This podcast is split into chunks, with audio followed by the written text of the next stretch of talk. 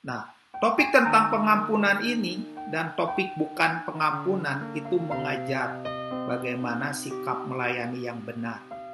Setelah kita menerima pengampunan dari Tuhan, atau setelah kita mengalami Tuhan yang yang bergerak dengan belas kasihan dalam hidup kita, maka harusnya kita melayani dengan belas kasihan.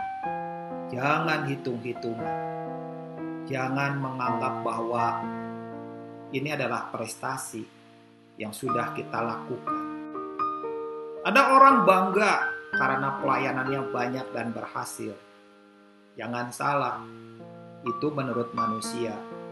Tetapi menurut Tuhan, apakah itu banyak? Yang banyak belum tentu banyak. Yang sedikit belum tentu sedikit.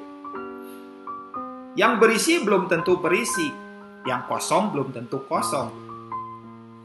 Semuanya dilihat oleh Tuhan.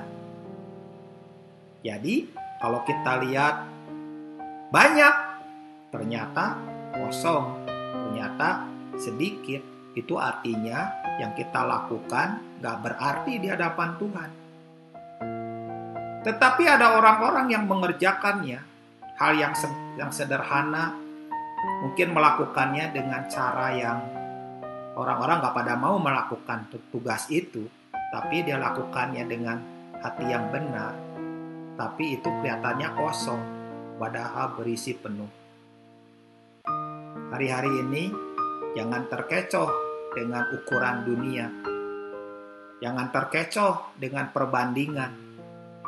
Kenapa? Karena yang penting bukan apa yang dianggap oleh orang lain, tetapi apa yang dilihat oleh Tuhan.